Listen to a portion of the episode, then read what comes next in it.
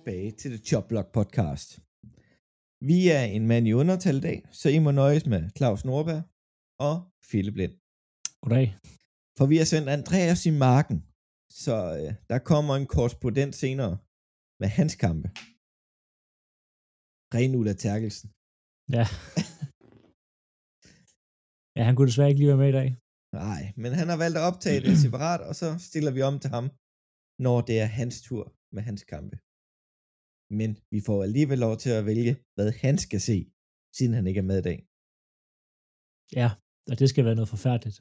Virkelig noget forfærdeligt fodbold. Nu har, nu har jeg set Vikings sidste på gange, og det har været... øh, og det er, ikke, altså, det er ikke så meget at se Vikings, det, det er trælt i sig selv, men her sidste gang var en hjemmekamp, og det der forfærdelige horn, der er hver gang, de gør noget. Jeg Ja. hader det. Jeg Det er hader det åndssvage horn. Det er det værste, det ødelægger alt ved at se fodbold. Øh, øh, altså sådan en anden syg ko, der står i brunst, der skal lyde, hver gang de får en første down. Altså, åh, hader at se kamp med Vikings på hjemmebane. Det er det værste. det, det, det, det er trods alt dårligere Vikings end Tampa, hver gang de skyder. Så skyder de kanoner afsted. Det er da federe. Noget i, ja. Det er da fedt. Og Ja, hvad er det? Commanders, der spil... Altså Commanders, de har den der Super Mario-lyd, hver gang de får en første down. Det er også okay. Alt andet end det der horn. Ej, jeg ønsker, det gik i stykker. ja. Eller nogen, der kommer og stjæl det. Ja, et eller andet. For det Nå. forsvinde.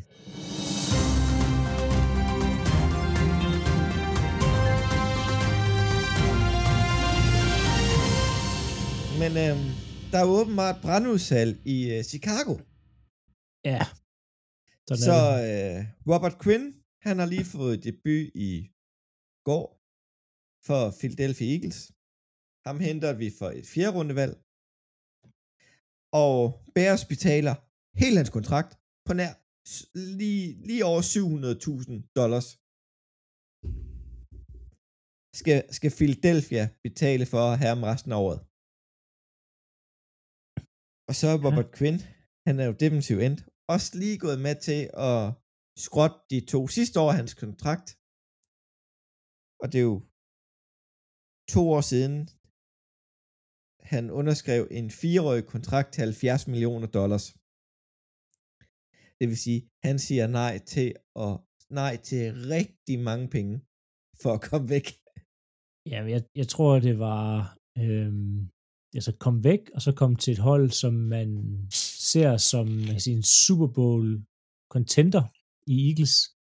Der må man nok sige, at de ligesom... Øh, der, der er gode chancer for, at de ligesom kan kan komme i Super Bowl inden. Ja, så han vil sige, han, han jagter jo den her ring her nu her, Robert Quinn, og så kan jeg godt sige nej til det sidste.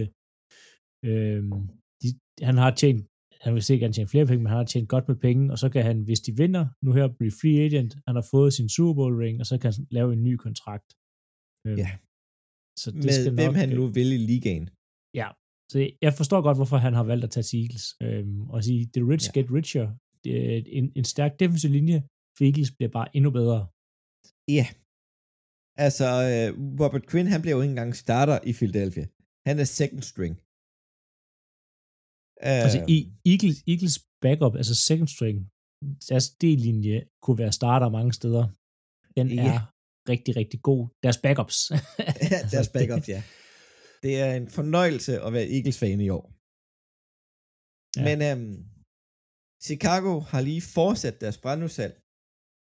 Her, stort set lige som vi skulle til at gå i gang, der har de sendt Raquan Smith, linebacker. Hvad er det, hans tredje år, han er i ligaen? Øh, det, er, det jeg. femte år, det her. Det her er det femte det år. han femte blev? Draftet, ja, det er femte år, for det sidste år kontrakten. Han blev draftet i, i 18 Ja. øhm, som nummer 8 af Bears. Øhm, Men øhm, de har sendt ham til Baltimore for et andet rundevalg og et femte rundevalg. Og han skal have en ny kontrakt lige om lidt. Puh, det bliver Ja. dyrt for Baltimore. Det gør det nemlig, og øh, vil sige, et, et andet og et femte, det er stadig ikke, det er ikke lige så meget som øh, dengang vi så øh, Tunsil tage til, øh, tage til Texas for var det to første og noget andet, øh, så han bare altså, kunne forlange den kontrakt, han ville. Men Rockon Smith kan stadigvæk forlange en rigtig god kontrakt, og hvad hedder det, Ravens Baltimore bliver nødt til at give ham den. Det gør de lidt, fordi ellers så har du spildt et andet og et femte på en halv sæsons leje af en spiller. Øhm, så han kan næsten forlange det, han næsten det, han vil have, øhm, Rokon Smith. Det er lige før, jeg vil ved en øl på, at han bliver ligaens højst betalte linebacker, når han skriver under. Det tror jeg også, han gør. I hvert fald på papiret. Ja, på papiret, så, ja. så må vi se, hvordan at, at pengene lige kommer til at løbe. hvordan men, de er skruet sammen, den kontrakt. Ja, men det er jo lidt, altså, problemet med Bears, det er jo, at de ingen, de ingen penge har. Der, selvom de har et dårligt hold, så har de, deres cap room er helt smadret af alle mulige åndssvage signinger, som Jimmy Graham og sådan nogle ting. Så de har jo faktisk ikke penge til at give ham det her, og det er også fordi, det, det er en ung spiller, han er 25, man har valgt ham i, i top 10, øh, en ny kontrakt, han har godt nok sagt, at han gerne vil væk, øh, men det er jo sådan en af dem, man skal bruge til at bygge spil, holdet op omkring, men nu bliver man så sætte ham væk, fordi man i princippet ikke kan give ham den kontrakt, han gerne vil have, og derfor nu, og det er også derfor, de har været forhandlinger, men inden sæsonen her, så er han jo slut, det gad han ikke det mere, og nu bliver man så sendt til Baltimore for et andet og et femte rundevalg. Det er ikke, det er ikke det er godt at Bears. Det er ikke noget, du bygger et hold op på ved at sende dine unge gode spillere væk. Hvis Rickon Smith havde været i Panthers med deres genopbygning, så var det en af de der øh, grundsten, de havde holdt fast på. Ja. Så det er ren nød at sige, at vi mister ham alligevel om lidt, så kan vi lige så godt få nogle draft pick ud af ham. Ja, altså det, og det er jo fint, og jeg synes, det er, det er godt, de har fået et andet og et femte. Det er måske, sige, jeg synes måske, de overbetalt lidt øh, Ravens for ham. Der må Men... have været nogle andre, der er interesseret siden Baltimore må helt derop for at betale. Ja, det er der. der har, han har, det er helt klart ikke kun ved Baltimore, fordi han, han er en spiller, der kan bruges mange steder. Um, og jeg er egentlig glad for, at de sender ham til AFC. Ja, for han er ja. et baseline linebacker. Han er den linebacker ligaen, der er flest saklinger for tiden. Ja, det er ikke altid en god ting. Nej, øhm, Blake Martinez havde det i mange år for Packers, og, og bagefter for, hvad hedder det, for Giants. Giants. Det er sådan rigtig, ja, sådan en rigtig tackle-maskine. Problemet er bare, at han altid taklede dem fire yards ned ad banen. Øhm, så ja. linebackers og tacklinger ikke nødvendigvis en god, altså det gør dem ikke gode. Det men, gør bare, at de ofte er ved bolden. Men lige nu, der fører han den statistik over Bobby Wagner. Han har vist været en meget god linebacker. Ja, ja, tidligere. ja, men det er ikke, ja, tidligere, der er lidt med det Rams hold i år. ah, det fungerer sgu ikke så godt. Men uh, vi kommer ind på trade-snakken lige om lidt. For uh, Lions, de har fået en lidt, lidt på ørerne over de sidste par uger. Så de har sgu valgt at fyre uh, defensiv backs coach. Er du, er du overrasket, Philip? Øhm, jeg er overrasket, at de kan fyre sig hele deres defensive staff. Altså, Aaron Glenn kan beholde hans arbejde nu. Det er imponerende, for det forsvar, wow, det er dårligt. Altså, jeg har set meget, øh, sidste mange uger set meget dårligt forsvar med Packers, men altså, Packers forsvar er jo øh, velsmurt og godt coachet og øh, gør alting rigtigt, hvis du sammenligner med Lions. Lions forsvar er altså med, med længder det aller, aller dårligste i ligaen. Altså, de er suverænt det dårligste. Det er det virkelig. Nå, lige over til en øh, lille hyggesnak. Trade deadline er i morgen, den 1. november. Det er højden den 1. november, når du hører det her. Så vi er nok mega langt bagud. Men med ostehatten godt ned omkring ørerne. Hvad ville du håbe på, at de gjorde, hvis det ikke var Devontae tilbage? For det kan ikke lade sig gøre. nej, det var, det var sjovt. Det, det kan ikke lade gøre. Nej, det kan det ikke, men vi, vi, vi skrev jo sammen i går, hvor jeg sagde, at de burde trade for Adams igen, fordi det fungerer ikke i Raiders. Nå. Øhm, jeg vil faktisk gerne se, at de bytte problemet med Packers, og det er NFC generelt for mange NFC-hold, der NFC er så dårlige i år, så selv når man sidder på 3 og 5, normalt, i et normalt år ville du være ude af playoff, og egentlig skulle være sådan, det man kalder sælgere herop til, til trade deadline. Men fordi du kan stadig, altså fordi alle er dårlige i år i NFC, så kan man stadigvæk godt nå playoff, så man er slet, lidt, skal man sælge, skal man købe. Øhm, men Packers, jeg vil faktisk gerne se, at de skipper Elton Jenkins, deres tidligere All-Pro øhm, right tackle væk. øh, fordi nu har han, han har haft nogle skader, øh, og han skal have en ny kontrakt her i, øh, eller han skal have sin første store kontrakt nu her til sommer. Øh, man har lige, man har nu set to kampe nu her med Zach Tom, som har gjort det fint nok, øh, og Packers' øh, hvad hedder det, salary cap er elendig. Øh, så de har ikke rigtig råd til at beholde ham, plus at de kommer til at, det eneste, eneste receiver, de har på kontrakt nu her, øh, Packers, det er, hvad hedder det, alle rookiesne. Øh, så de mangler nogen, men de skal i hvert fald hente nogen. Øh, jeg kunne godt tænke mig, at de hentede en receiver ind, måske en more, og aller, aller helst, og jeg ved ikke lige, hvem det skulle være, øh, men en defensiv linjemand. Altså, i kan, I kan sælge nogle af alle de der defensive linjemænd, de har nu til Packers, og så bygge lidt rundt. Altså. Ja. Eller Chris Watkins eller sådan noget. Nej, det er ikke godt nok. Men I har også en masse receiver, I kunne komme af med. Ja, Chris Watkins. Ja, hvad med, hvad med Smith?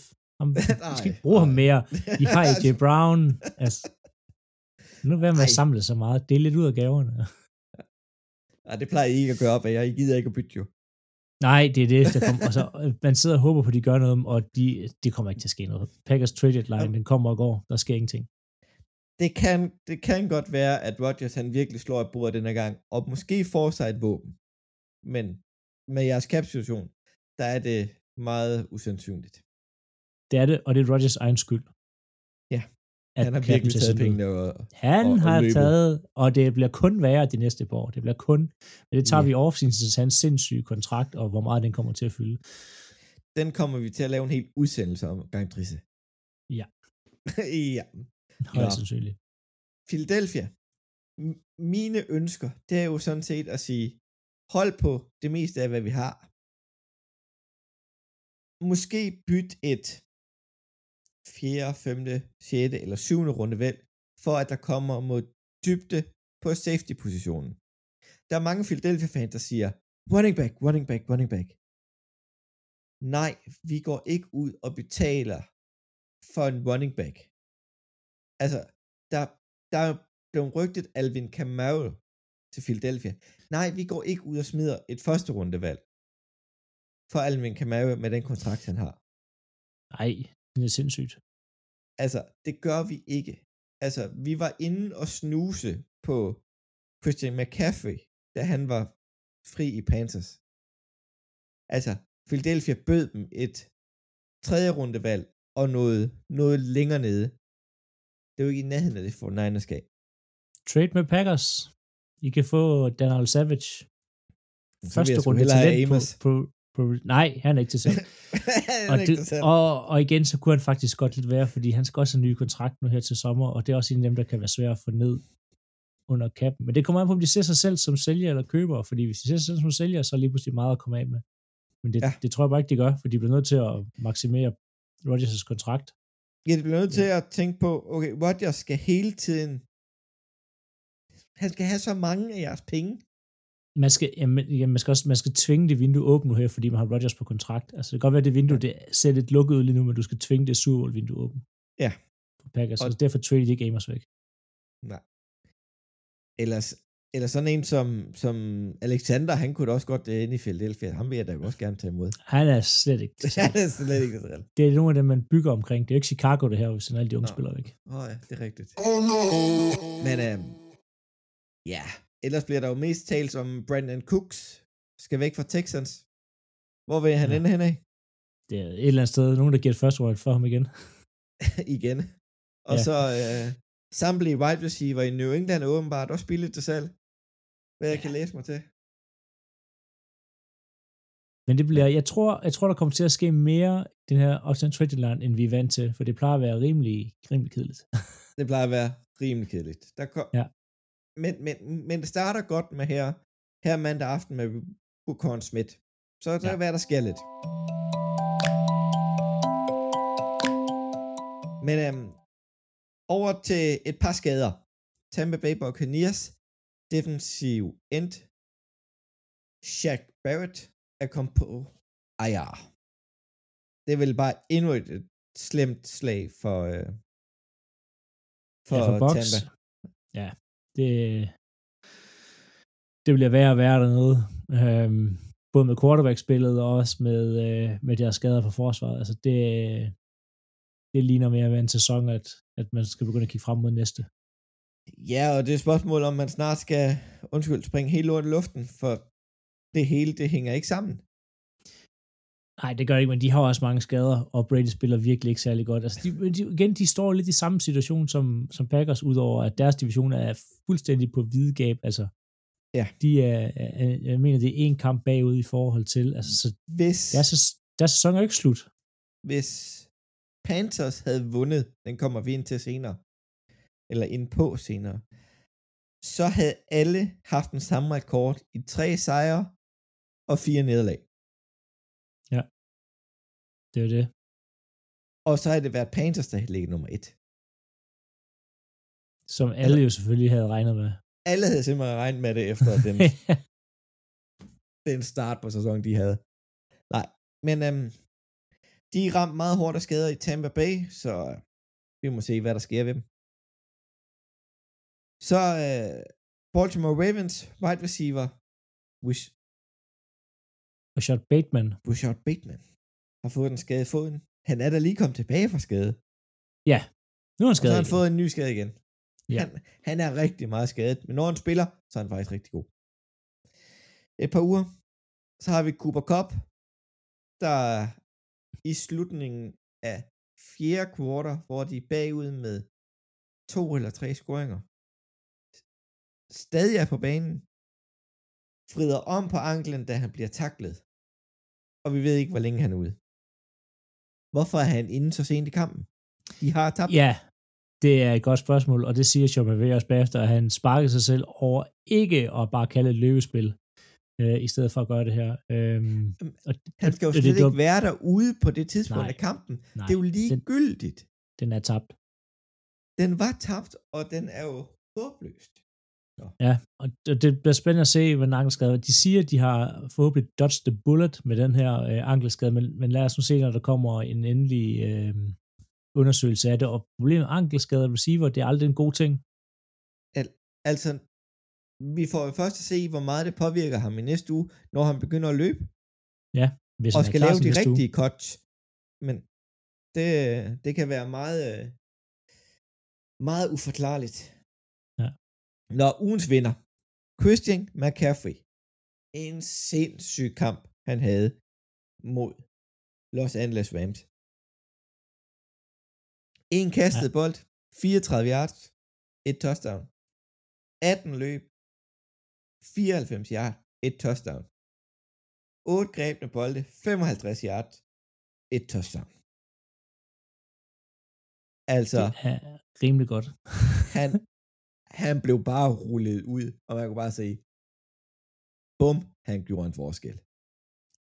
Ja, at sige, det bliver jo, altså, som for Lions fans må sidde og tænke, at det bliver, det, at de må tænke, det bliver kun vildere herfra, fordi altså, han er jo kun lige lært, altså sådan toppen af playbooken på det kort tid her. Jo, jo længere vi kommer frem i, i den sæson her, altså jo mere burde han jo lære playbooken og lære, ja. designe flere spil til, til ham. Så altså, hvis det her, det er starten, Det er kun Så lige bliver- toppen. Ja, så kan det godt gå hen og blive rigtig grimt for de andre hold, det her. Hvis du, at det kastespil, der øh, han laver og scorer touchdown på, det blev sat ind i playbooken i torsdags.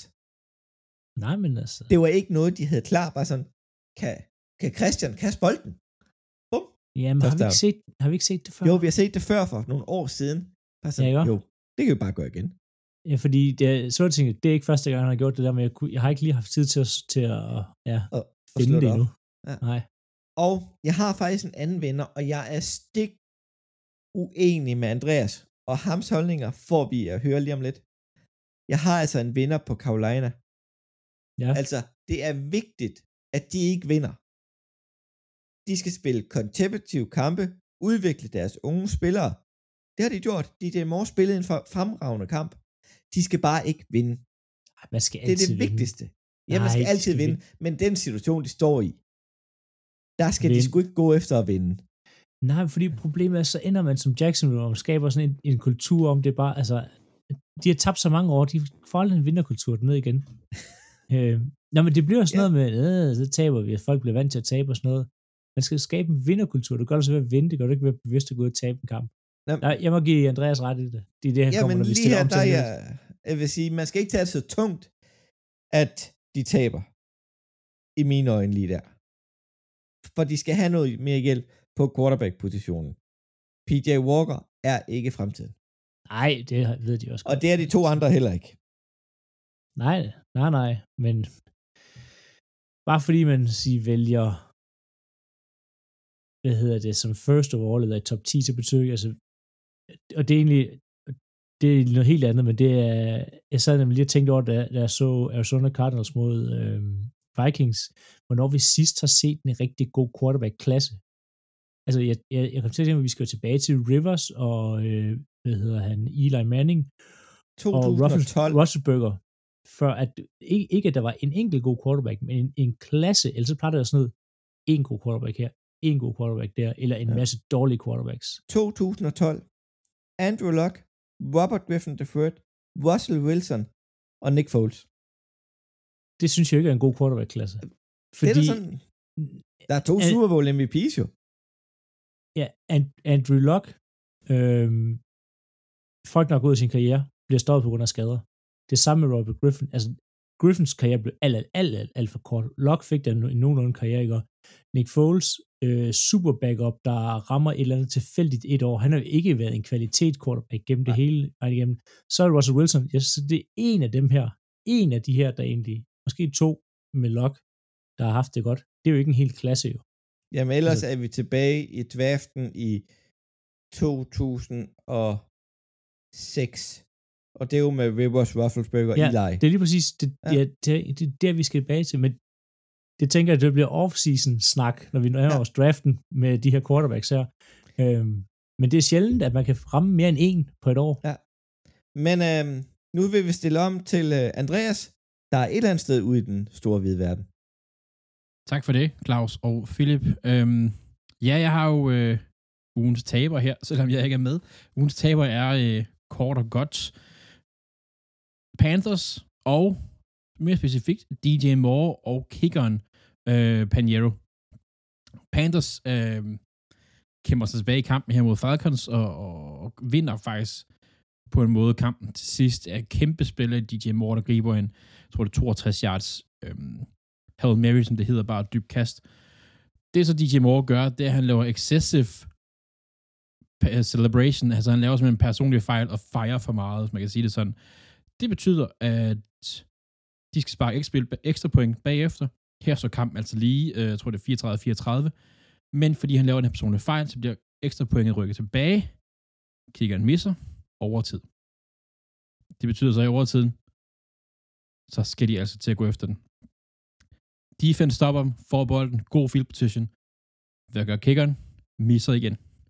Havde DJ Moore ikke dummet sig der og lavet excessive celebration, så havde Panthers sagtens kunne vinde den her kamp her. Det er bare ikke godt nok. Jeg ved godt, man er for et lille hold og sådan noget, men det, det, det er bare for dårligt. Virkelig for dårligt. Øhm, man er nødt til at være lidt mere professionel der. Det er man simpelthen nødt til. Men det er min taber. Så øh, må vi være uenige som jer, men det, jeg synes helt klart, det er en taber, det her.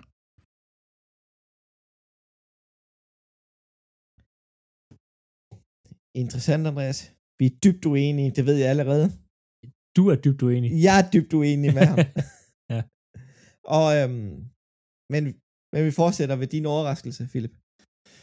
Jamen, det er... Øhm, Det er jo lidt samme snak, vi lige har haft jo. Ja, Zach Wilsons manglede udvikling. Øh, jeg har set Jets de sidste par uger her, og de har kørt rigtig meget på løbespillet. Øh, og det er jo klart, fordi det har virket rigtig godt. Problemet er så, at Brees Hall bliver skadet, øh, og nu har man kun Michael Carter, og så henter man så James Robinson ned i øh, Jacksonville. Men nu begynder man lige pludselig at forlange noget af Wilson. Øh, yes, jeg tænkte egentlig, at grunden til, at de løb så meget, det var fordi, det virkede, og det, det var smart at holde fast i. Men nu virker det lidt til, at grunden til, at de har løbet så meget, var for at skjule, at Zach Wilson egentlig faktisk ikke har udviklet sig overhovedet, og ikke er en særlig god quarterback. Og nu her i går mod Patriots, hvor der blev for langt noget af ham, der så vi bare, at Zach Wilson er nok ikke det, det håbede på, han ville være. Og de har ikke fundet en løsning på quarterback-positionen. Han ligner ikke nu, han har udviklet sig nok, eller han er klar til at tage de skridt op til at blive den quarterback, de kan bruge til noget, og der kan føre dem i hvert fald til playoff og holde det hold der.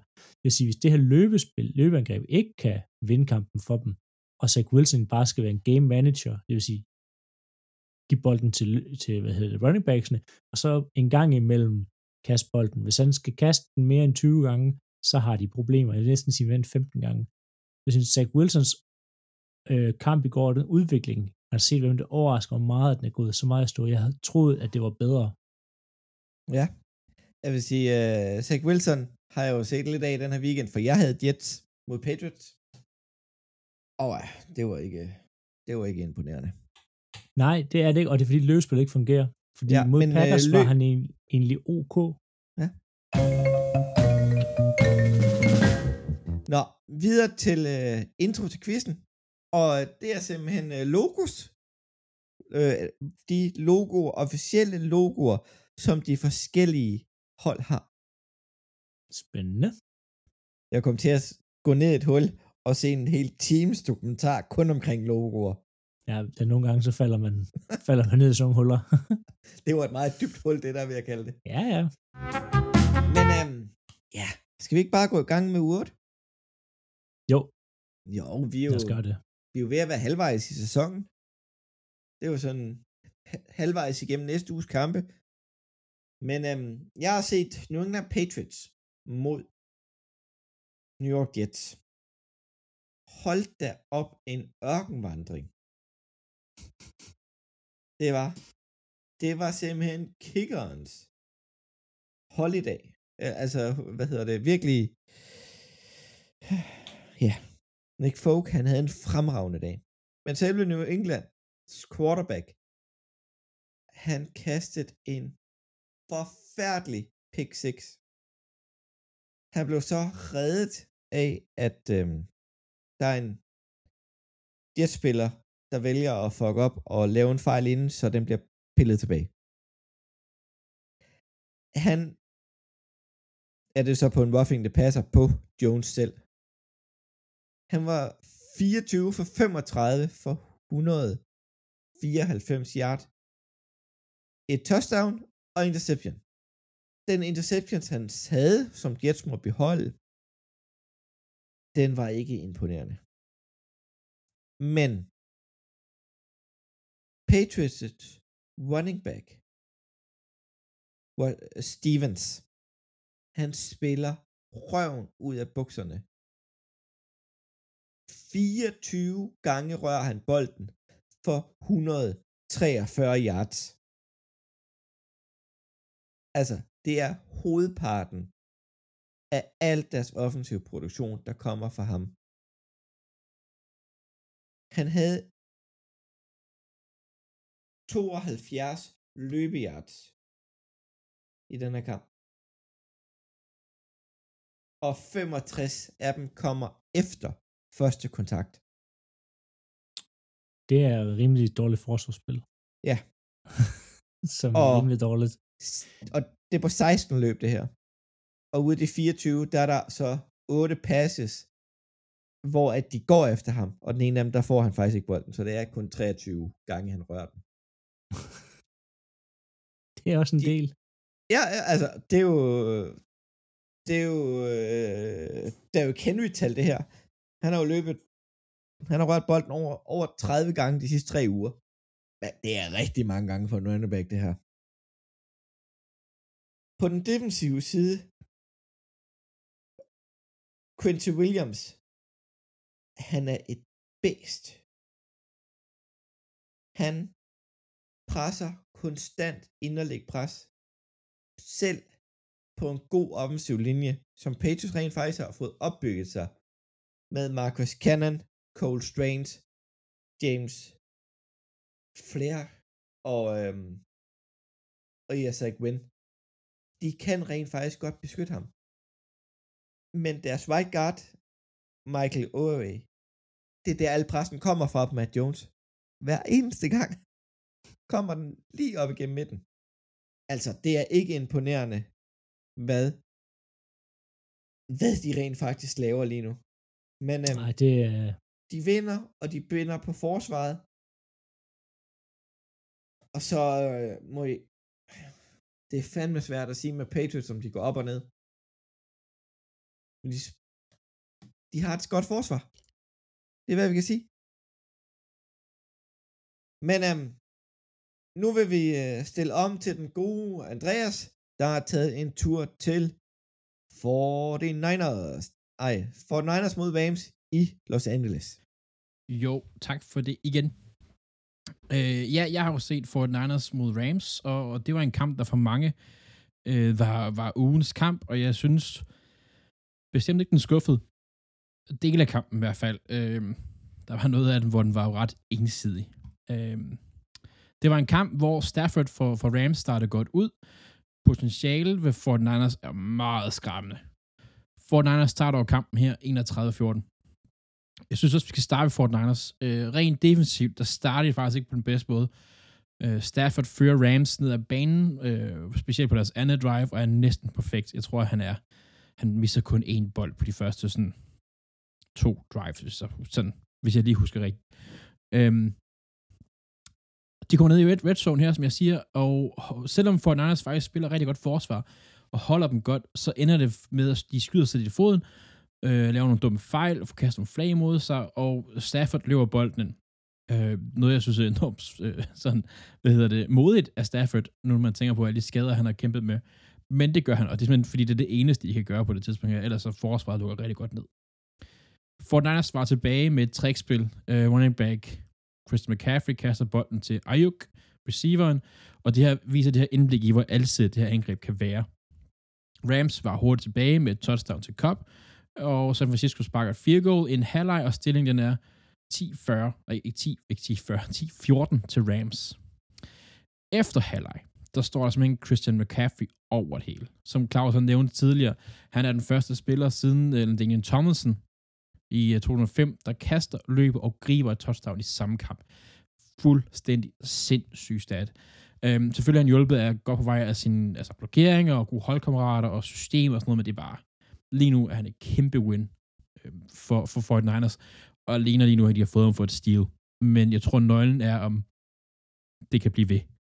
Øh, holdet her er faktisk endda uden Debo Samuel, som er den her lidt receiver-version af, af, af Chris McCaffrey, hvis man kan sige det sådan.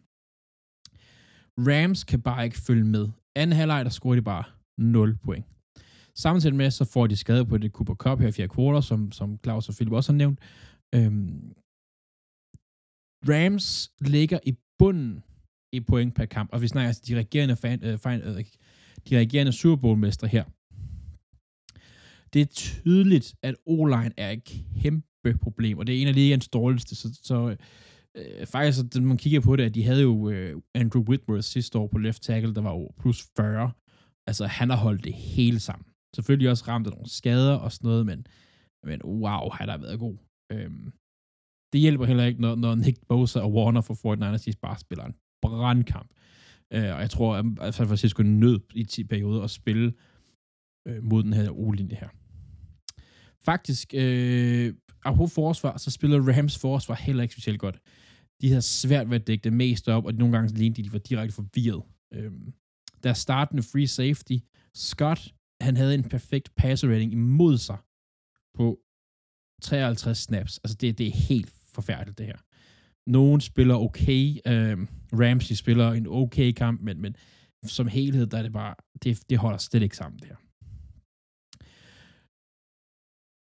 Hvordan skal man så dække det her Fortnite's forsvar op? Øhm, og det er et forsvar, der er svært at dække op på grund af de våben, de har. Altså, de har en top 10, nej, top 3 spiller på running back, tight end og receiver i hele ligaen. Øhm, faktisk, som jeg nævnte sådan for et uger siden, jeg var ikke helt så glad, eller sådan, jeg kunne ikke rigtig se, hvad Fortnite skulle med Christian McCaffrey, men jeg kan godt jeg kan se det nu. Altså, det, det er bare, det er helt sindssygt. Øhm, det er de nødt til at gøre hold, der spiller mod, mod, mod 49ers, det simpelthen spille zone. Øh, og måske i stedet for 2 high, 3 high, øh, spille sådan en, en 4-2-5 formation, øh, hvor de primært skulle spille cover 3 og cover 4. Øh, to cornerbacks i dyb zoner for at hjælpe med de der receiver i, i Ayuk og, og Samuel, og så en safety til at bare at hjælpe på, hvor bolden bliver kastet hen. Altså, og så to, altså en safety i boksen og hjælp på enten tight end eller running backen og sådan noget. Det, det, det, det, det, det tror jeg, man er nødt til at gøre. Problemet er bare, at, at hvis du spiller rigtig meget zone, du skal skjule det ind snappet, for ellers så ved quarterbacken, hvor der er huller i zonerne. Og zone, hvis man spiller rigtig meget zone igen, har også tit problem mod løbet.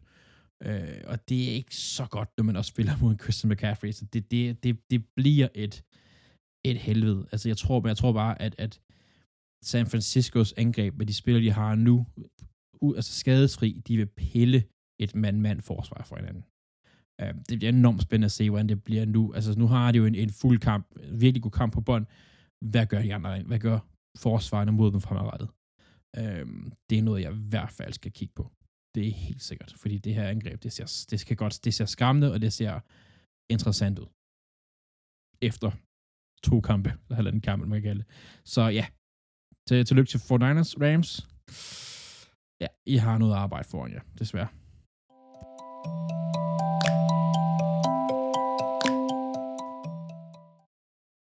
Ja, og du er jo heldig, øh, Philip. Du var heldig. Du skulle se øh, Vikings. Var jeg heldig? Ja. ja. Du var heldig at kunne se Vikings igen.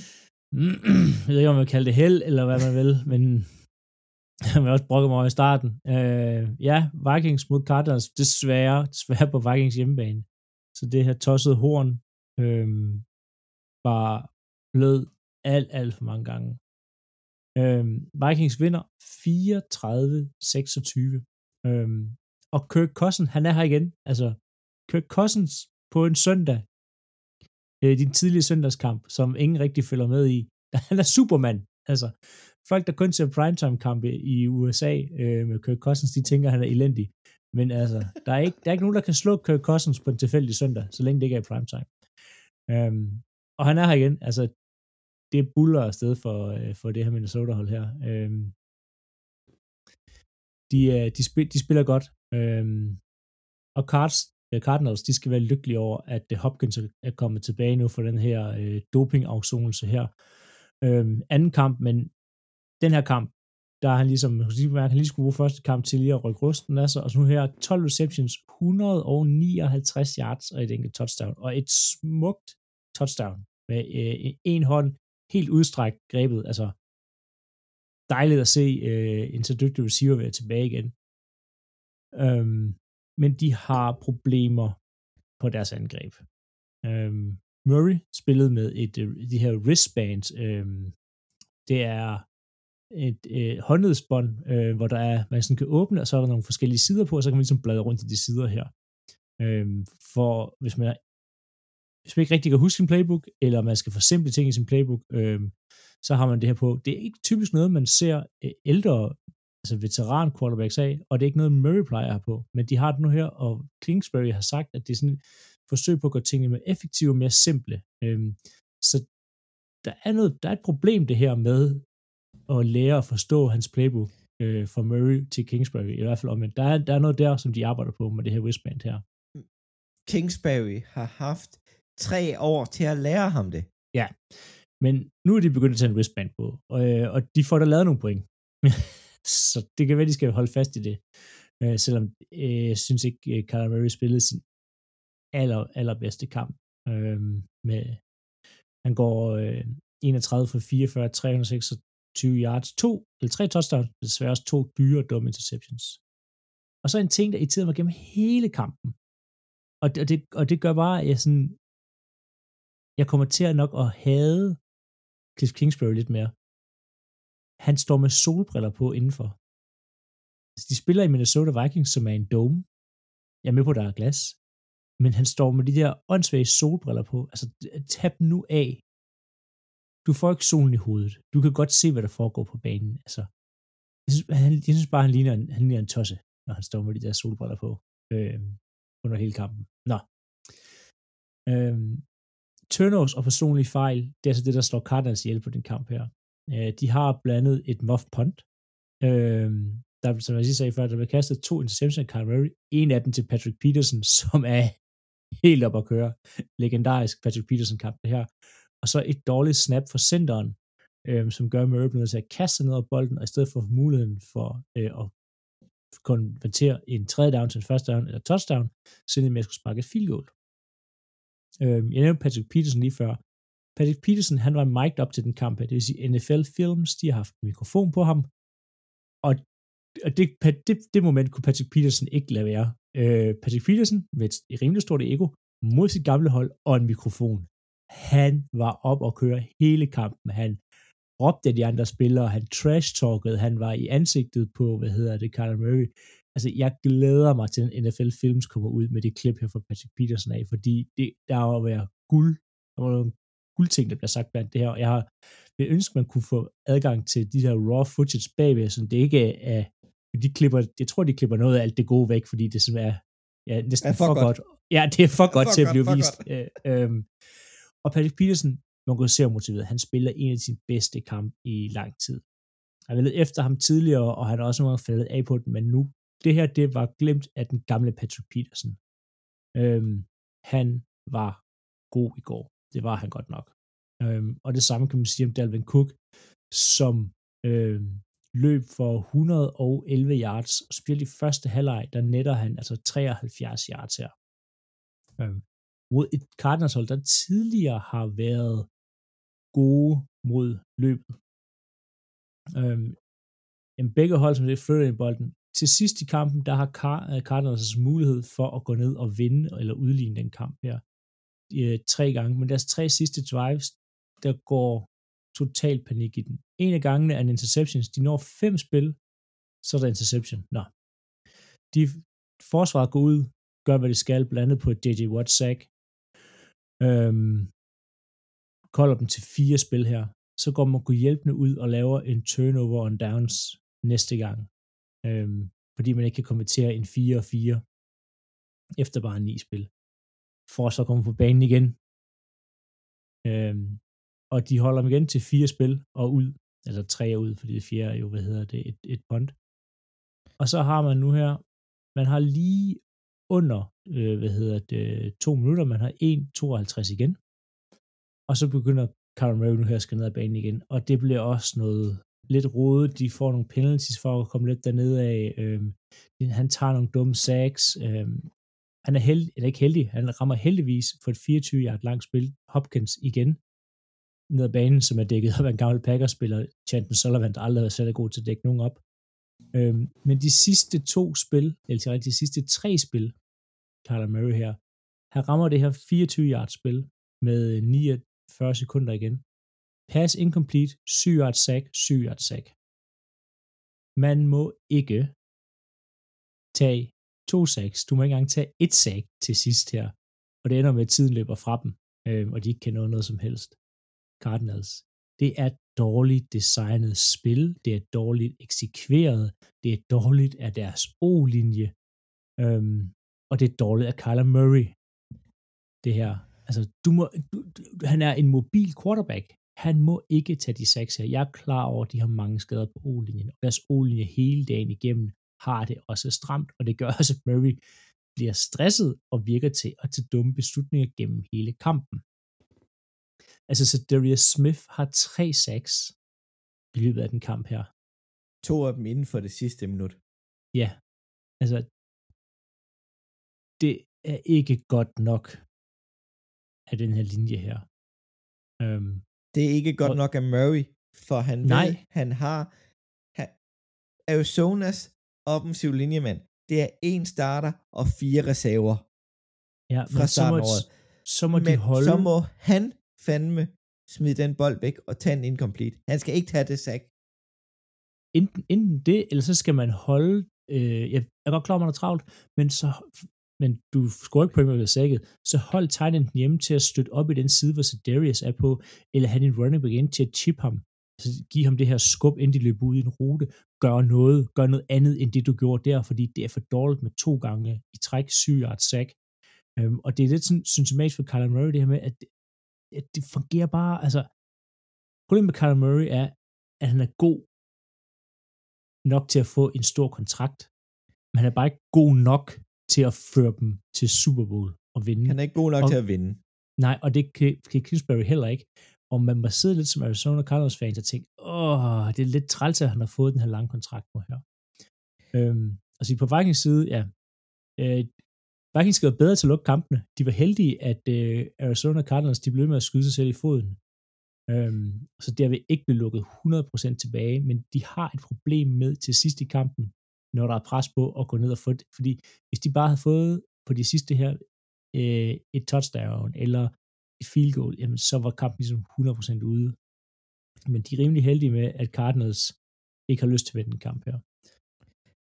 Og selvom det bløder meget at sige, så tillykke til Vikings med at have vundet NFC Nord. Jeg er godt klar over, statistisk set, så kan det godt lade sig gøre, at de taber det nu, men realistisk set, så har de vundet. Der er ikke nogen, der kommer og henter dem. Hverken Packers, Lions eller Bears, så tillykke Vikings. Det var endelig jeres år i år. Det var endelig Vikings' år. Med en ny offensiv, med en ny head coach, med en ja. helt ny offensiv filosofi. Jeg synes faktisk, Vikings spiller okay. Men det jeg har set. Ja. Ja. Selvom det er svært at sige som Packers. Ja, ikke? det er det. Ej, de, de, de gør det okay. Jamen, jeg, har, jamen, jeg har, synes faktisk, jeg har lidt svært ved Vikings, fordi øhm, de spiller okay, men de laver også nogle nogle, nogle dumme ting. Øhm, jeg har lidt svært ved at vurdere, hvor gode de egentlig er. Altså, hvor godt er det hold her? Øhm, fordi nogle gange så falder de, falder de helt igennem og laver nogle, nogle åndssvage ting, og andre gange så, så spiller de rigtig god fodbold. Øh, men de er også de er, en, de er en gave af en division i år. Altså, det, det må man nok sige. Men øh, lige et sidste spørgsmål, inden vi går videre til, øh, til vores fankampe. Er King, King Kingsbury... Cliff Kingsbury. Cliff, Pink, King, Cliff Kingsbury hot seat. Ryger han efter sæsonen? Jeg vil håbe for Cardinals, at han gjorde, men jeg tror det ikke, fordi den kontrakt, han lige har fået, er for dyr. Øh, jeg husker, hvad hedder det, deres ejer som lidt nære i, Øhm, så jeg tror, at de holder fast i ham i hvert fald en sæson endnu. Ja. Desværre. Men øh, det er desværre for Cardinals fans. Det er og desværre for det var det det det var en til nej Hopkins at han skal være dernede. Han får masser af yards, men han får ikke lov til at vinde. Nej, men det kender han jo lidt for Texans. Ja, han, han, har, han, har, han har prøvet den rute før. Ja. Men videre til en tur til fankampene, og vi stiller direkte om til Andreas i Tampa. Jo, jo, tak for det. Jeg øh, er her i Tampa, hvor at jeg selvfølgelig så Ravens, der tog til Tampa for at spille mod uh, Tom Brady and the Brady Bunch, hvis man kan kalde dem det. Og jeg var mega nervøs op til den kamp her. Et, det er en kort uge. Det, uh, udspille sig desværre også i nogle af de skader, som Ravens har fået. I har allerede været inde på Bateman. Øh, Mark Andrews gik også ud med en skade, og det, det er ikke så godt, når to af vores absolut bedste pass catchers går ud. Så jeg er ikke en stor fan af torsdags kamp. Det giver en kort uge, og Brady, vi skulle spille mod, har en historie med at springe i luften, når han får en øretæv eller et eller andet. Og det synes jeg, at de har fået lidt i sidste uge. Så han har det med at springe i luften og bare spille sindssygt. Øh, han er god til at lave de her statements-kampe. Han satte også en rekord, den her kamp her. Han er nu den mest sackede quarterback i NFL-historien med øh, 555 gange, at han blev hævet i jorden. Det var Justin Houston, Ravens gamle pass rusher, som, som gjorde det, og det synes jeg er meget passende. Det er en ældre spiller, der gør det. Heldigvis for mit vedkommende, så vinder Rams, øh, ikke Rams, undskyld, Ravens 27-22. Jeg synes personligt, at det er den bedste version af Ravens offense, vi ser i den her kamp her. Lamar spiller godt, prøver ikke på at forsere noget, der er god balance i løb og kast, holdet som helhed, step op og gør, hvad det kan. Altså, de skal bare vinde. Det betyder oftest, at det betyder oftest, at vi udnytter modstandernes svagheder. Og den, der var i boks, det er, at, at løbespillet, det, det kunne de bare ikke dække op. Ravens løber som hold over 200 yards i anden halvleg mod box. Forsvaret er helt væk. Det mistede de også Zach Barrett, som er en akilleskade ud af sæsonen, men forsvaret kan ikke rigtig gøre noget med det her løb her. Det er simpelthen det, det er ret skræmmende faktisk. Altså Box har på papiret også sidste år og sidste par år et rigtig godt forsvar. En af grundene til de her ting her, der kører for Ravens, det er simpelthen, at Ronnie Stanley er tilbage. Altså tidligere All-Pro left tackle, betyder så meget for et offensiv linje, specielt i pass protection. Run block, der mangler han stadig lidt, altså skadesmæssigt, der, han er der ikke helt endnu, men pass protection, den sidder der bare. der er mere ro, og der er mere power, og alle omkring Olien spiller bare bedre med Stanley på banen.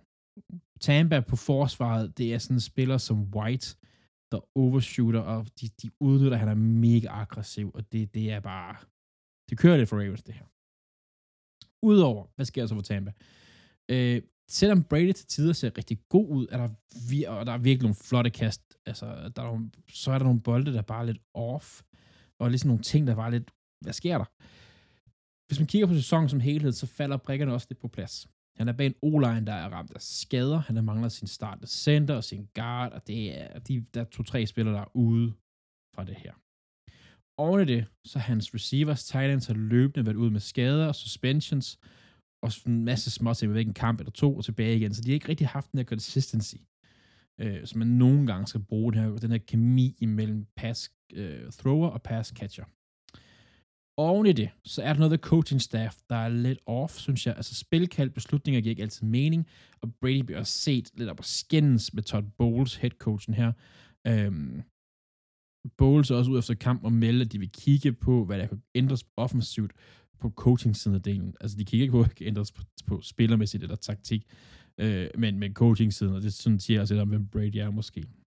Måske har vi øh, taget øh, den tidligere head coach lidt Måske var han bedre, end vi troede.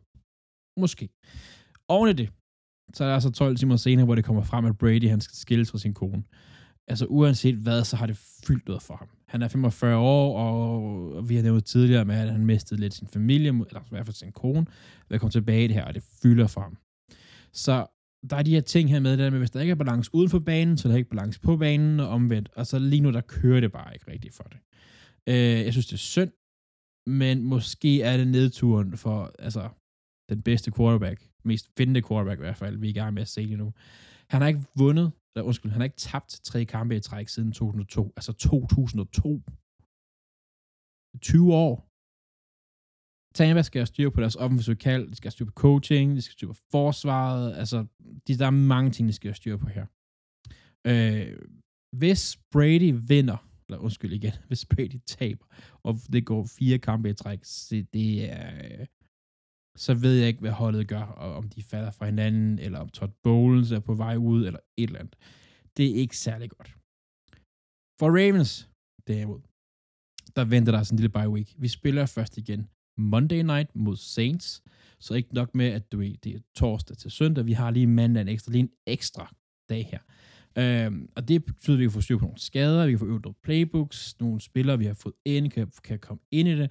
Jeg, til, jeg kigger på dig her, det er Sean Jackson, skal du ikke snart i gang? Hvad fanden sker der? Øhm, Ravens har ikke været særlig gode til at skaffe turnovers de sidste uger. Det er de nødt til at ændre sig. Ændre på det. Øh, det er de nødt til at ændre på. Det hjælper. Så man selvfølgelig også trader sig til en af ligaens bedste linebackers, øh, Raekwon Smith i, i Bears. Claus og Philip holdet ind på det. Jeg er ikke nødvendigvis enig i, hvad de siger med, at han bliver dyr og sådan noget. Det tror jeg egentlig ikke på. Jeg tror Ravens, de tænker, at det er nu. Øh, anden valg for at prøve at vinde nu, er måske lidt højt for en spiller som ham, men de var nødt til at gøre noget. Øh, Claus nævner også det, at man er god til at takle. Altså de sidste fem år er det kun Bobby Wagner, der har flest taklinger i ligaen, og selvfølgelig det, hvis forsvar er dårligt, holder dårligt, så er der mange taklinger, men det betyder også, at det er en spiller, der spiller godt og søger de her ting her. Altså, det, det selvfølgelig er nogle ting her. Jeg glæder mig. Jeg synes ikke, det er spildt, og man så forsvinder. Jeg synes ikke, det er spildt. Det er en chance, man tager øh, på et megatalent. Det er en spiller, der kan blive rigtig god Ravens. Det er en position, vi tidligere har været rigtig stærke i. Øh, jeg glæder mig. Det er helt sindssygt. Jeg glæder mig til at se det her forsvar. Jeg skal bare lære studere det. Det bliver så godt. Ravens er ikke bange for at skyde stort en gang imellem, og jeg elsker det. Dog havde jeg selv håbet lidt på at få sådan en som DJ Watt til holdet. Det kan selvfølgelig godt ske. Øhm, fordi Ravens betaler åbenbart en fraktion af prisen for Smith. Altså lidt ala, hvad, hvad Bears har så gjort med Eagles og sådan noget. Øh, jeg gad godt at se en DJ Ward i Ravens. Han virker lidt spildt i, uh, i Cardinals nu, synes jeg, det er det synd. Han er bare, han er talent, han er bare, han er den vokale leder, som I bare kunne bruge rigtig meget i Ravens endnu.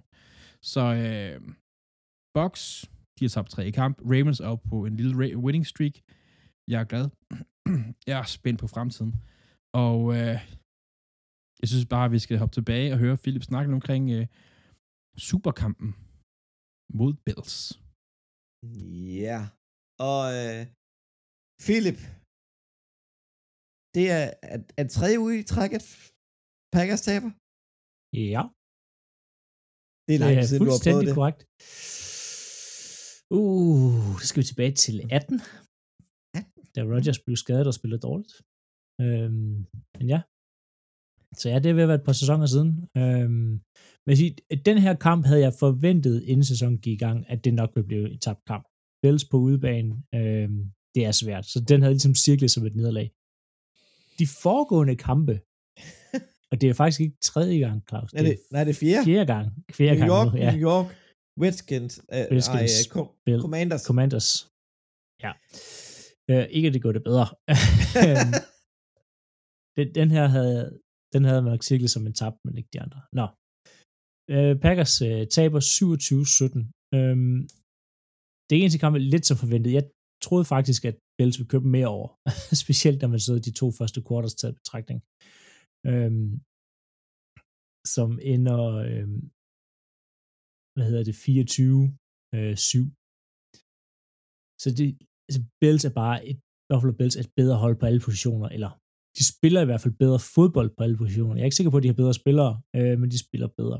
De kører med som sagt fuldstændig over i de to første øh, quarters, og det er Packers' egen skyld. Øh, den første serie for Buffalo er punt, og Packers næste er turnover downs. Så går Buffalo Bills ned og scorer touchdowns på kunden i spil, og så kommer classic, classic, classic Packers her. Øhm, man har, han har lige fået et touchdown mod sig. Hvad skal man? Nu skal vi ud, så skal vi have et touchdown på næste spil. Øhm, så de kalder Gud hjælpende en fliflikker øh, og forsøger at gå dybt øh, direkte. Og hvis man ved, hvad en fliflikker er, så er det, at man giver bolden til running backen, som løber op, og kaster den tilbage til ens quarterback, som så forsøger at kaste den dybt. Det gik ikke godt. Øh, de to næste spil er et, øh, hvad hedder det, 3 yard pass og 2 yard pass, og så er det almindeligt gået 3 ud. Så flot, flot, flot Packers. Øh, det er den her typiske, øh, vi er nødt til at vente hele nu, i stedet for bare at gøre, som de gør på drivet efter. Det er svært, de giver bolden tilbage til Bills, de kunne have touchdown og hokus pokus, man er bagud 14-0. Så er der ikke så meget panik der, og de næste gang, de får bolden, der gør de det, som de nok skulle have gjort, da de får bagud 7-0. Syret løb, syret løb, 5 løb, 4 løb, 3 løb, og så kommer der et pas. Altså, man begynder at committe til løbet, og finde ud af, at løbet virker. Øhm, og til sidst kan man ned, og så kan man lave et 19 yard flot, øh, hvad hedder det, touchdown pass til Romeo Dobbs, øh, som er sat op via løbet, fordi man har løbet den øh, 1, 2, 3, 4, 5, de sidste fem gange har man løbet den, og så laver man, hvad hedder det, øhm, et play-action-spil, det vil sige, at man faker, at man øh, vil kaste, eller løbe den, og så kaster man i stedet for, og så er River Dobbs fri dybt. Så det er med til at sætte det her op. Så endelig gør det det rigtige. Nå. Bills får touchdown igen, og så går Packers i panik en gang til, og forsøger, øh, starter godt ud med et løb, og så tager man et dybt skud, tager man et sack, og så forsøger man at, at løbe en tredje og, sek, øh, tredje, og, tredje og 16 hjem. Og ikke fordi man står dybt nede, man står på sin egen, hvad hedder det, 26-linje. Så tænker man, ej, den kaster væk den her, i stedet for at forsøge at få den. Øhm, så der, der er nogle suspekte øhm, kald for Packers offensivmæssigt og deres spilkaldsmæssigt i den kamp her. Hvis vi går videre til anden, eller til anden halvleg i tredje og fjerde kvartal, så Josh Allen, han havde to forskellige kampe. I første og anden kvartal var han den Josh Allen, vi kender i år, MVP, ustoppelig, løb over det hele. 3 og 4 kort, der havde vi 2018 Josh Allen på banen. Og hvis nogen så fodbold 2018, så er 2018 Josh Allen, det er et dårligt Josh Allen. Øh, der er to rigtig dumme interceptions, øh, som Packers ikke får det vilde ud af, men dumme interceptions, og spiller egentlig ikke særlig godt i de to, øh, hvad hedder det, i 3 og 4 kvarter, og de får også kun lavet tre point. Det viser lidt, at Packers faktisk på forsvar har kunne justere, men også at Buffalo Bills virker til lige at gå et gear ned øh, nu her. Og det kunne godt være lidt bekymrende, hvis jeg var Buffalo Bills fans, det er, at man ikke kan holde et, det sag her gear gennem hele kampen. Josh Allen spiller kun en, en, en halv god kamp, Øhm, deres løbeforsvar, som tidligere havde været en styrke, de opgiver rigtig, rigtig mange yards. Packers kan faktisk løbe rigtig godt. Aaron Jones har en monsterdag, altså monsterdag, 100 over 43 yards. Han averager 7,2 yards, hver gang han rører bolden. Jeg forstår ikke, hvorfor han ikke bare fik bolden hele tiden. Øh, så der er lidt bekymringer for Bills her. Ja, Aiden øh, Drillen gjorde det også godt. Ja, Aiden Dillon, han 10 yards for, eller 10 carries for 54 yards. Øh, så, øh, så Buffalo, der er lidt bekymring, lidt risser i lakken, men de gode hold vinder også på en dårlig dag, og jeg vil sige, de havde i hvert fald en dårlig halv dag øh, for Josh Allen og for deres løbeforsvar. Helt dårlige dage. Øhm, og det er spiller bekymrende, fordi Packers o ikke er særlig god. Øhm, Om. I kampen, der kunne man tydeligt se, at i anden halvleg gik Bills tre eller fire gear ned. Ja. Og det var på alle positioner. Men de ender jo, de, altså, jeg kan sige, de Bills ender tilbage. jo med ikke at score i anden halvleg. Ja, de laver tre point. Og, wow. Ja, det er det.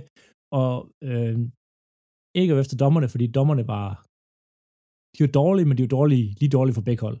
Øh, men der er en forfærdelig øh, offensiv pass interference på Tonyan, som tager touchdown øh, væk. Og hvis det havde været der, så kunne det være tættere, men så hvis Josh Allen kaster en interception, så hvis og hvis, øh, det finder ligegyldigt.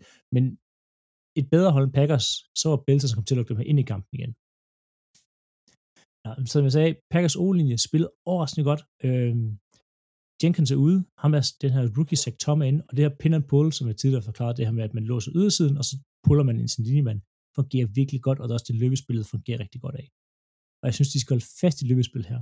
Desværre som at LeFleur ude bagefter at sige, han kunne ikke lide, hvor meget de løb bolden. Han synes, de skulle kaste noget mere på efterfølgende pressekonference. Så det er ikke så super godt. I løbet af kampen, der bliver Campbell skadet, og Quay Walker, han får smidt sig selv ud ved at slå en practice squad spiller for, eller op og skændes med practice squad spiller for Buffalo Bills. Så lige pludselig mangler Big middle linebackers, og nu er det Axel McDuffie, som ingen ud af Packers fans, der kender inden som middle linebacker, og lige pludselig spilkalder. Øh, og det er altså første gang, at man får reelle NFL-snaps på forsvaret. Han har før kun spillet special teams. Så det har også lidt at sige. Øhm, yeah. Ja. En, en, ja, bedre end forventet for Packers, øh, men stadigvæk, øh, de skal oprejsning i næste uge, Packers.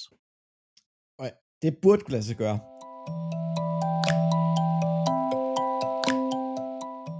Men uh, Philadelphia, vi havde på besøg af vores gamle samarbejdspartner i Pittsburgh, dengang at vi hed Steve Eagles.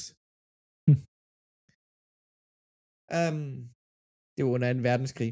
Det var det, der ligesom startede mit hul øh, omkring logoer. Så øhm, Steve Eagles simpelthen kampen om Pennsylvania.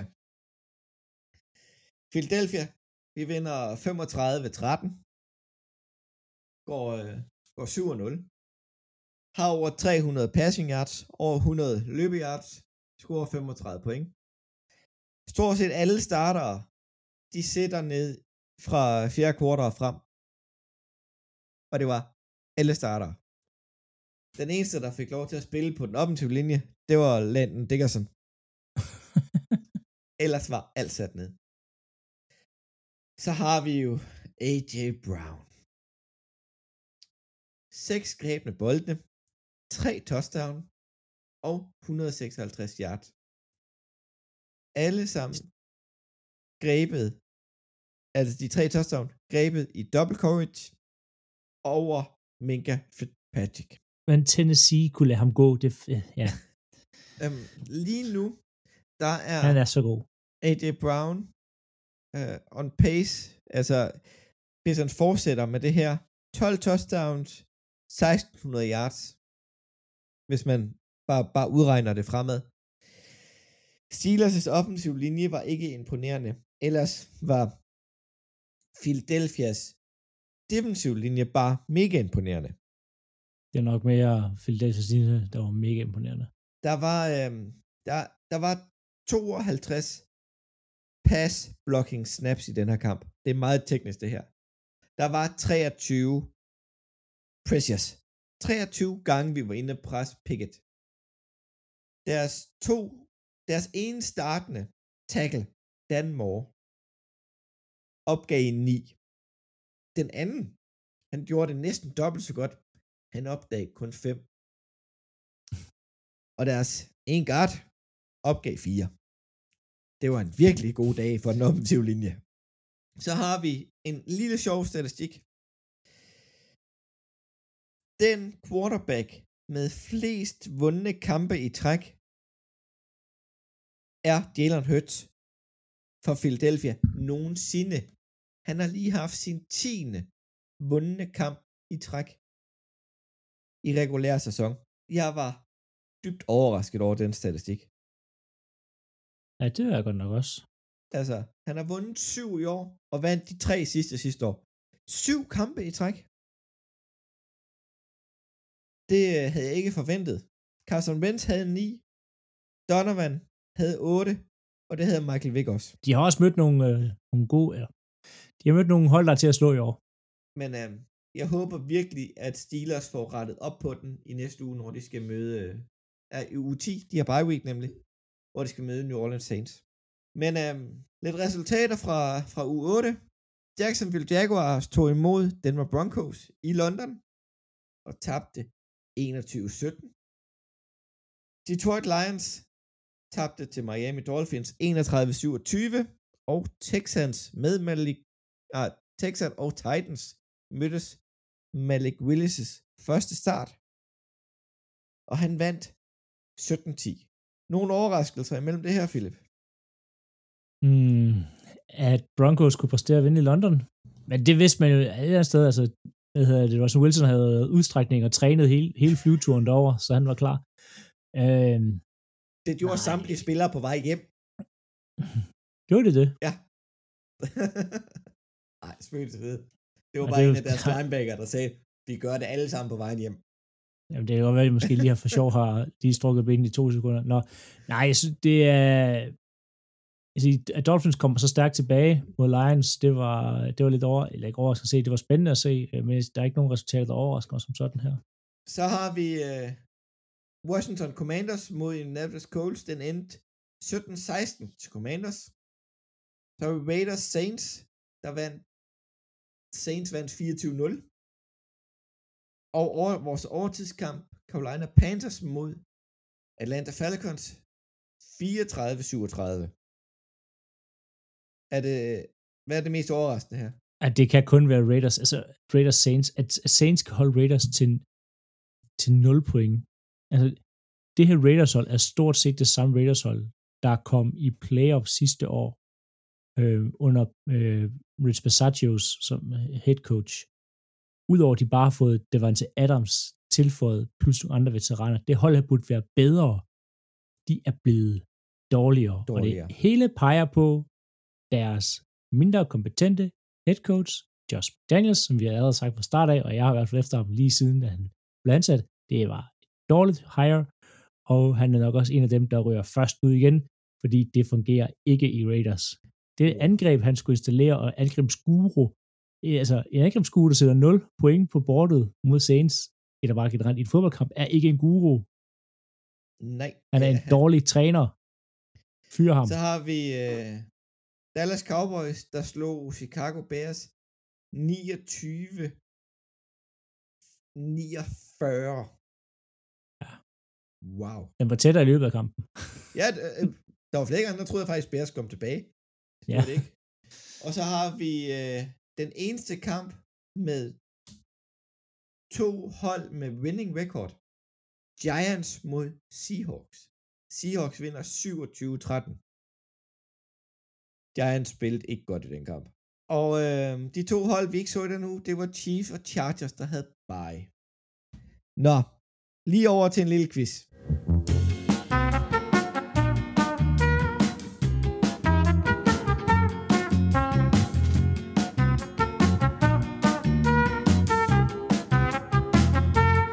Og det første spørgsmål her, det går ud fra, hvis man har lavet en lille ændring i sit logo, så tæller det årstal, som man har lavet ændringen, som det nye logo.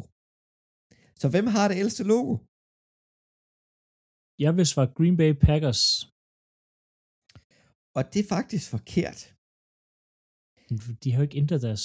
Jo, Altså, for i, de har 19, ændret en... i 1980, det er lang tid før vi blev født, Ja, der blev den der gule kant lagt udenpå. Mm. Hvor den er grøn, gul, ja, grøn. Altså, den blev lagt på i 1980. For det ældste logo er fra 1964. Der ikke er blevet rørt ved siden. er det Chicagos? Øh, jeg skal lige finde Chicago på min liste. så er det ikke. Nej, det er 74. Men det er Dallas Cowboys. De har kørt med det samme med det samme logo siden i 1964. Hvorfor ændre noget, der virker? Ja, og, og, Det, er- det er et flot logo. og i kan godt lide 64, der ændrede de jo faktisk mere for- for den der hvide streg rundt om. Altså, klinisk logo. Green Base har ikke været ændret særlig meget. Øh, Nej, det har ikke... ikke altså, siden, siden G'et kom, er der ikke sket så meget er der ikke sket før, noget overhovedet jo. Før så var det... Øh, før så var det blåt, øh, med sådan et, et G og et B, der var sat sammen. Øh, og, og det samme med, at Philadelphias logo er jo egentlig spejlvendt. Det er jo på grund af med vingerne bagved, Mm. der er der et E indeni, hvis man lægger mærke til det.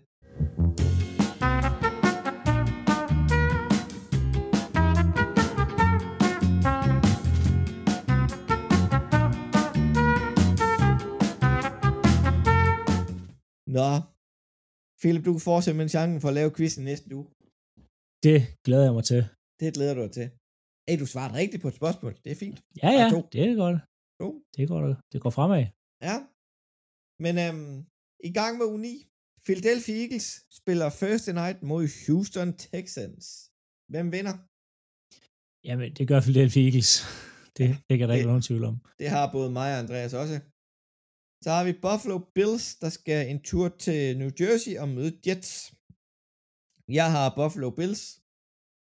Buffalo Bills. Det har vi alle sammen. Så har vi Carolina Panthers, der skal møde Cincinnati Bengals. Er, er vi bare enige på Bengals her også? Ja, meget enig. Så har vi øh, Green Bay Packers, der skal tur til Detroit og møde Detroit. Ja, og det er en kamp, Green Bay skal vinde, og vi har alle sammen også Green Bay, og det er virkelig, det er nu, eller aldrig det skib, det skal rettes for Packers. Øhm, og sige, og Lions skal simpelthen kan stoppe blødningen på, hvad hedder det, øhm, på deres forsvar. Ja, det er virkelig vigtigt, at, at, at de får rettet op på det her. Så har vi øh, Indianapolis Coles, der skal en tur til New England. Vi alle sammen, vi har New England i det her tilfælde. Mm. Så Yes. har vi øh, din kamp i denne uge, Phil- Philip. Las Vegas Raiders mod Jacksonville Jaguars. Ja, et, Raiders har lige leveret et æg. Jeg bliver nødt til at se, hvordan de responderer mod et øh, Jacksonville Jaguars hold, som kolder, kommer direkte fra London af, det vil sige, at kan måske være lidt tung i benene. Øhm, så så det, er, det er en kamp, jeg glæder mig til at se, hvordan Raiders kommer tilbage, og hvordan Jacksonville øhm, responderer. Og så det siger det med Trevor Lawrence, jeg er ikke imponeret af ham, så jeg, jeg vil gerne lige se et par, par kampe med ham, inden jeg lige dømmer ham helt ude. Ja, og øh, min kamp i denne uge, det er Los Angeles Chargers mod Atlanta Falcons. Og jeg har lige lavet en orderbold lige her til sidst, så vi alle sammen vi har taget Chargers. Passende. Jeg var lige ved at vælge Atlanta, bare for at være anderledes. Så har vi Miami Dolphins, der skal en tur til Chicago. Overraskende nok, så har vi alle sammen Miami Dolphins. Dolphins. Så har vi øh, Minnesota Vikings mod Washington Commanders. Du har, Jamen, jeg har Minnesota Vikings. jeg har Washington Commanders. De kan kun overraske.